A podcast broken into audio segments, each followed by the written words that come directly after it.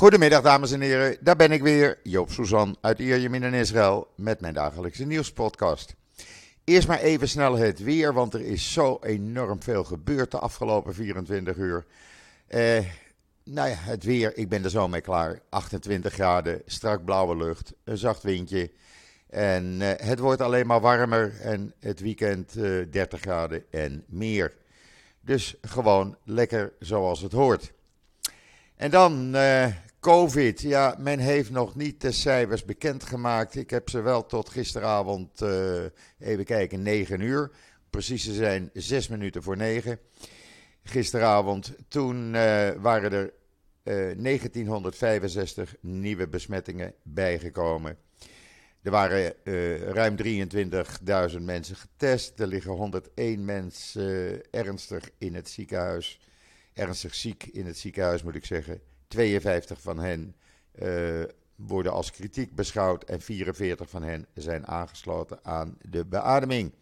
Tot gisteravond, 6 minuten voor 9, was er niemand overleden en staat het aantal doden nog steeds op 10.833.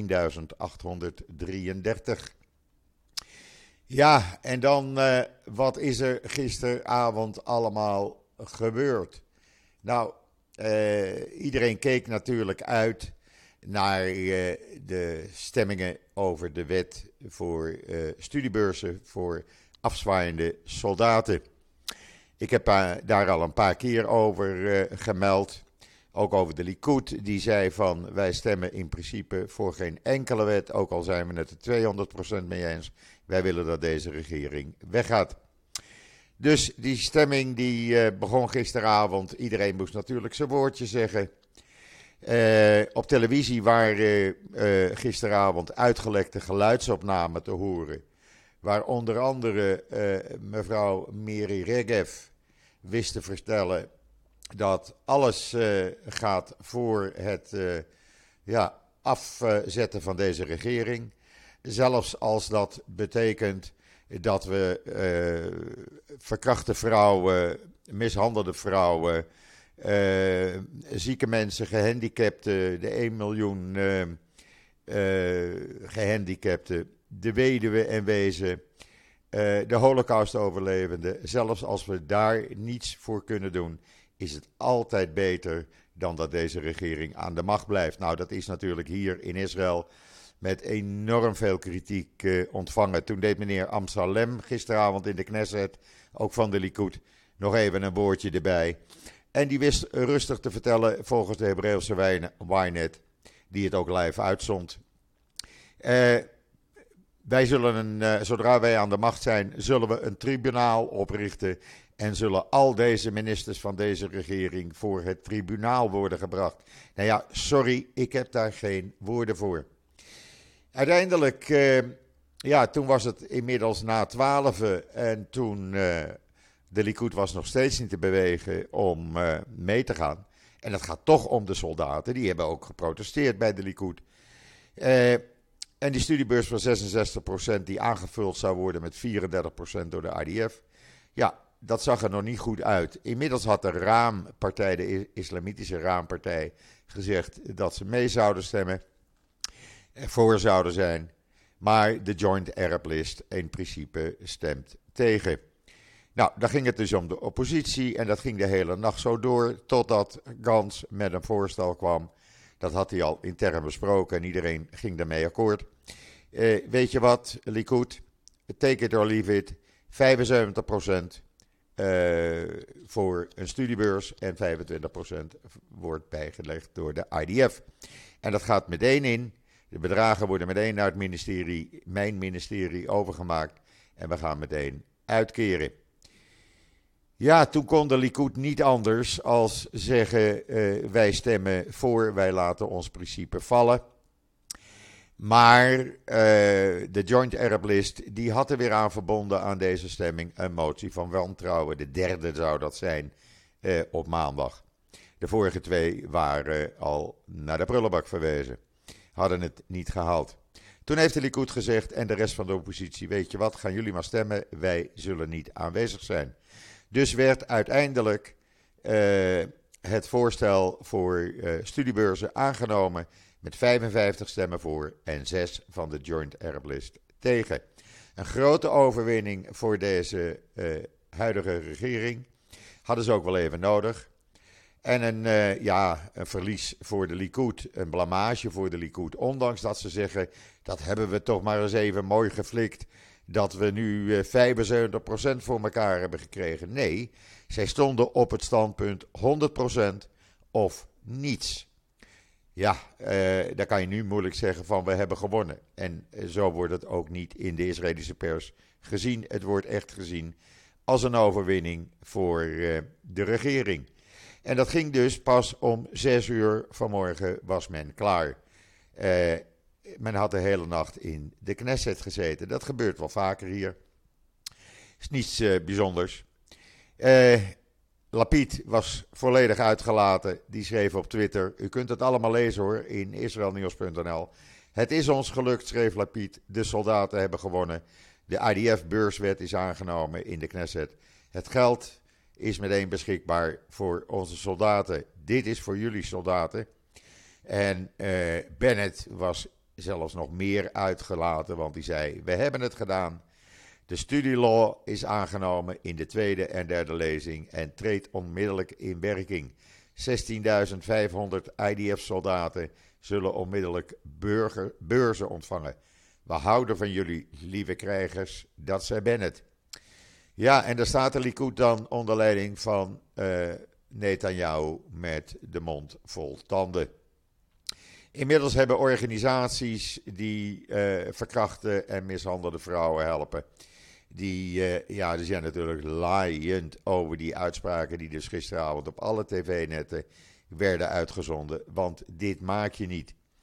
Uh, de directeur-generaal van bijvoorbeeld de, de Associatie van Geweld tegen Vrouwen, mevrouw Danziger, die zei: Mevrouw Regev beweert dat ze geen buikpijn heeft voor mishandelde of gewelddadig misbruikte vrouwen.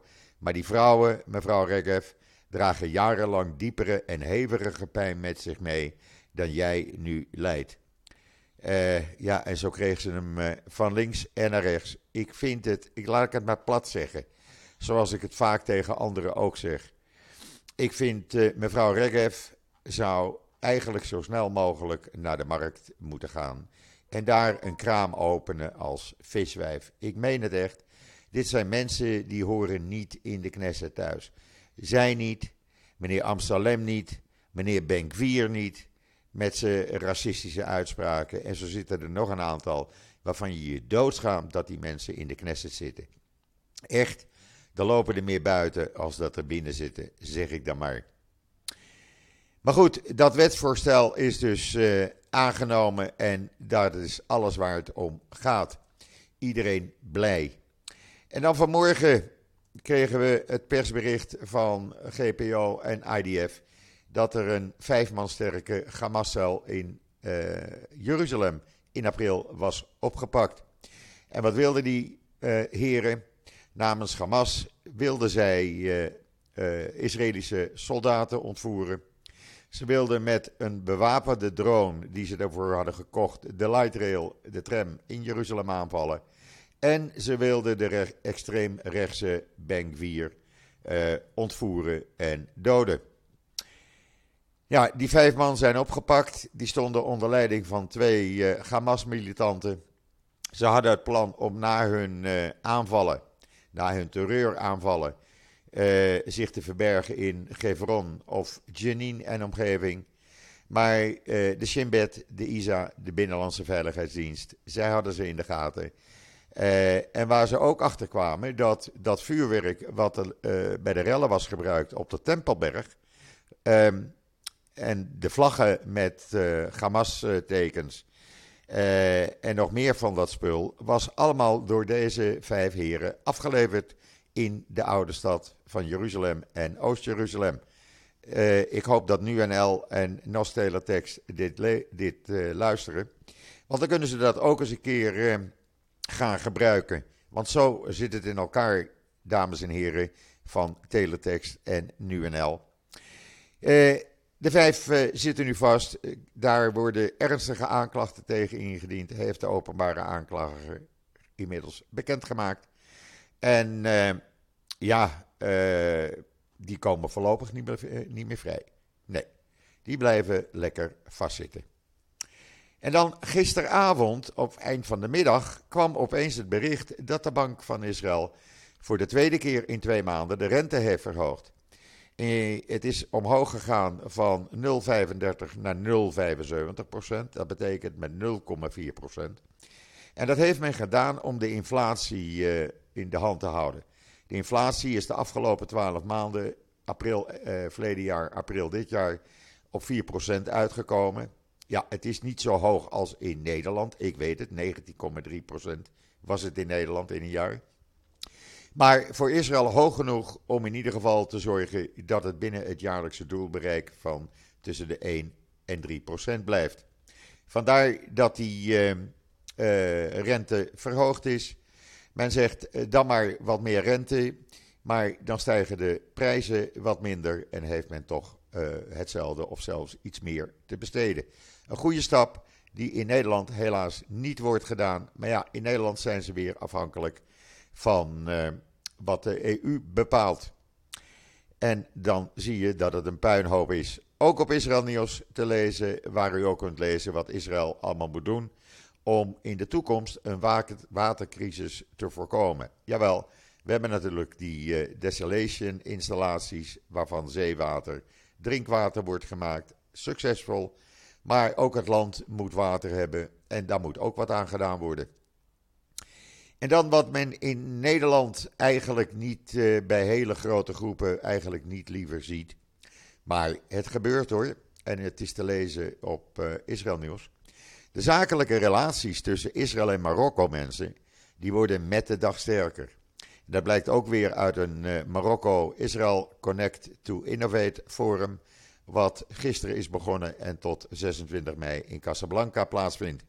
Daar zitten tientallen zakenlui uit beide landen onder leiding van Israel Startup Nation. Die zitten daarbij. En ook onder leiding van de General Confederation of Moroccan Enterprises. Dus zeg maar de zakenwereld uit Marokko. Topondernemers uit Israël laten hun Marokkaanse collega's en de Marokkaanse markt kennismaken met van alles wat Israël te bieden heeft op uh, technologische uh, oplossingen, bilaterale handel en uh, wat dies meer. En dat gaat allemaal sinds die Abraham-akkoorden in werking zijn gesteld en sinds die diplomatieke betrekkingen met Marokko en Israël weer normaal zijn. En het gaat zo snel.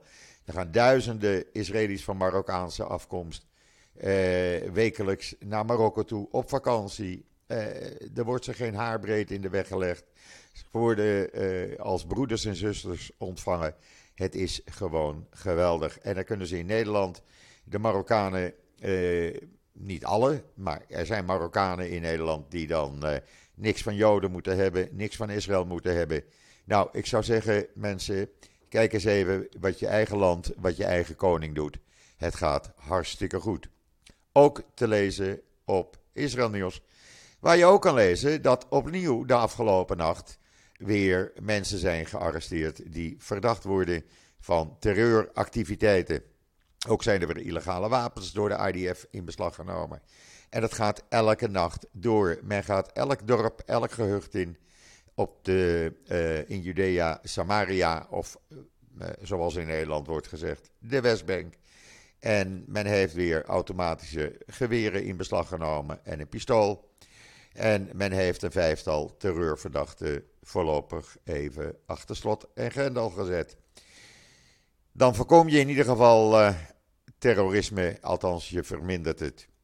En dan is er uh, bekendgemaakt door de uh, biotechnologiegroep hier in Israël, Bonus Biogroup, dat zij een COVID-medicijn hebben ontwikkeld. Dat heet Mason Cure.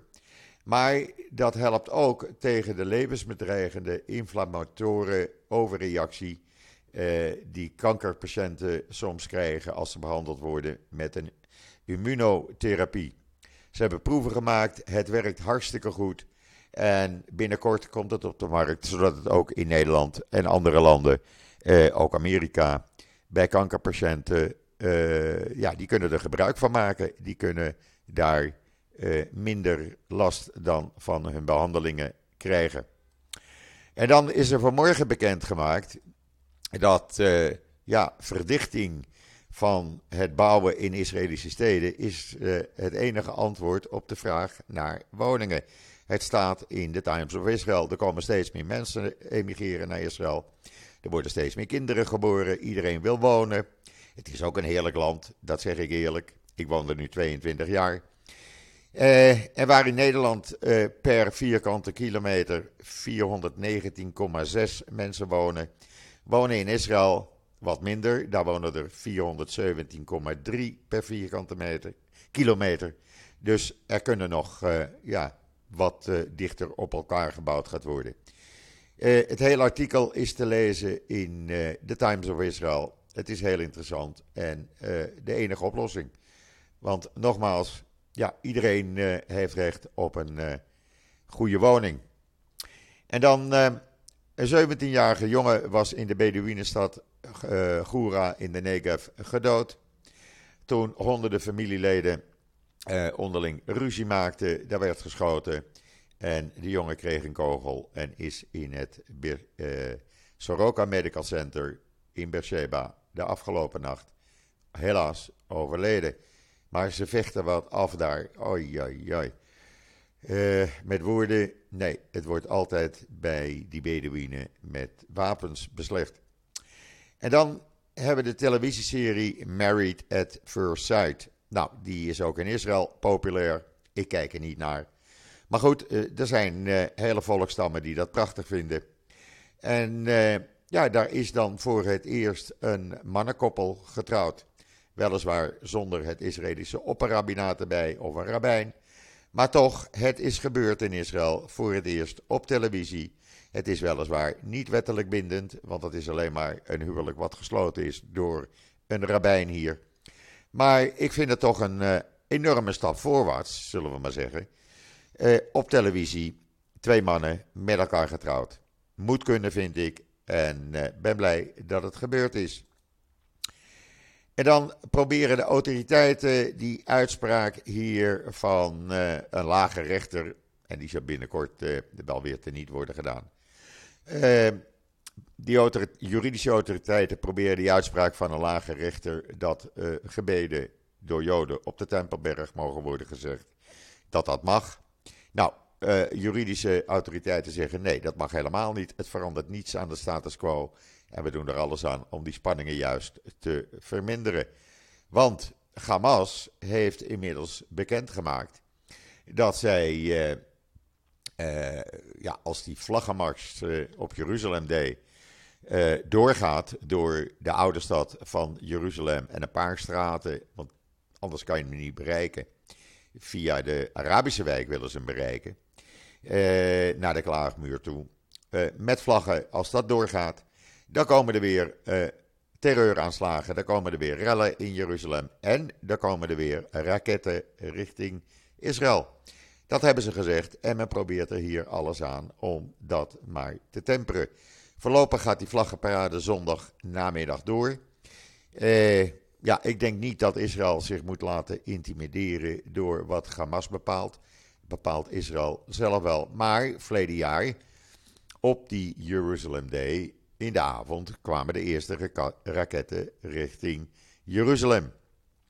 En je weet het maar nooit met die gekken van uh, Hamas en hun uh, vrienden van uh, Islamic Jihad. wat ze van plan zijn. We houden de vinger aan de pols, zei de IDF. En daar heb ik vertrouwen in. En dan vanmiddag, of eigenlijk vandaag.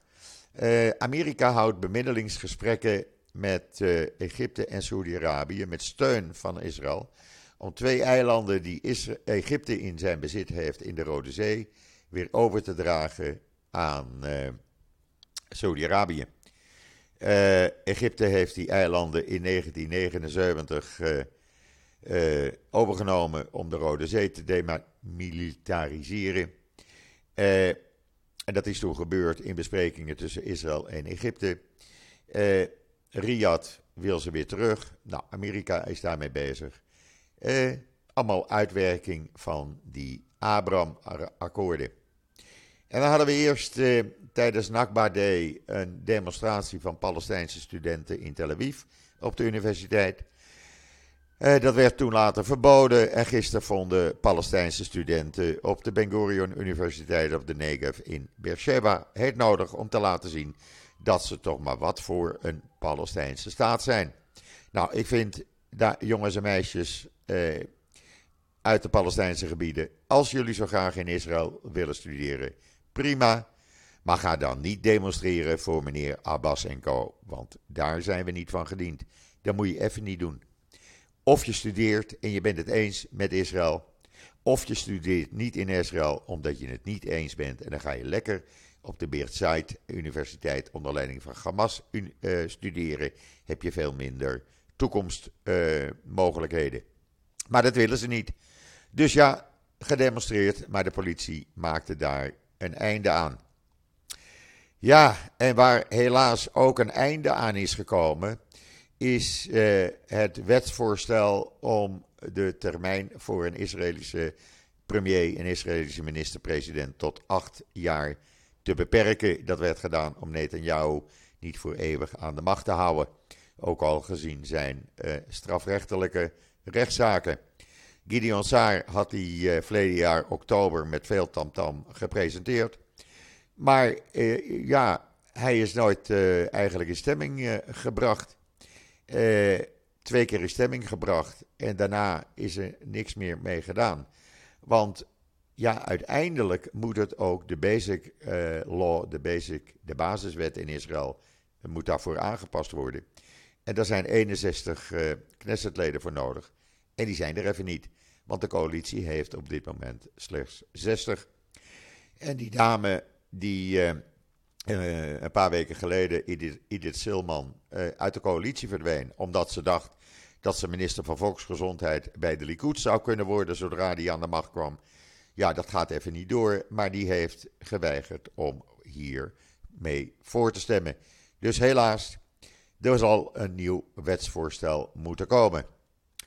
Dit gezegd hebbende brengt mij dat bij het einde van deze podcast. Hoe krijg je het toch elke keer weer voor gedaan, Joop? Zo'n 23, 25 minuten. Maar goed, eh, er gebeurt elke dag wel iets. Er is never a dull moment, mensen hier in Israël. Never. Je hoeft niet te denken van, wat zou er nu eens gebeuren? Nee, elke, elke uur is er wel wat nieuws. Elke minuut gebeurt er wel wat. Ik vind het geweldig. Uh, je blijft bij de pinken. Het houdt je jong. Rest mij u allemaal nog een hele fijne voortzetting van deze dinsdag, de 24 mei, toe te wensen. Ik ben er morgen weer en zeg zoals altijd: tot ziens, tot morgen.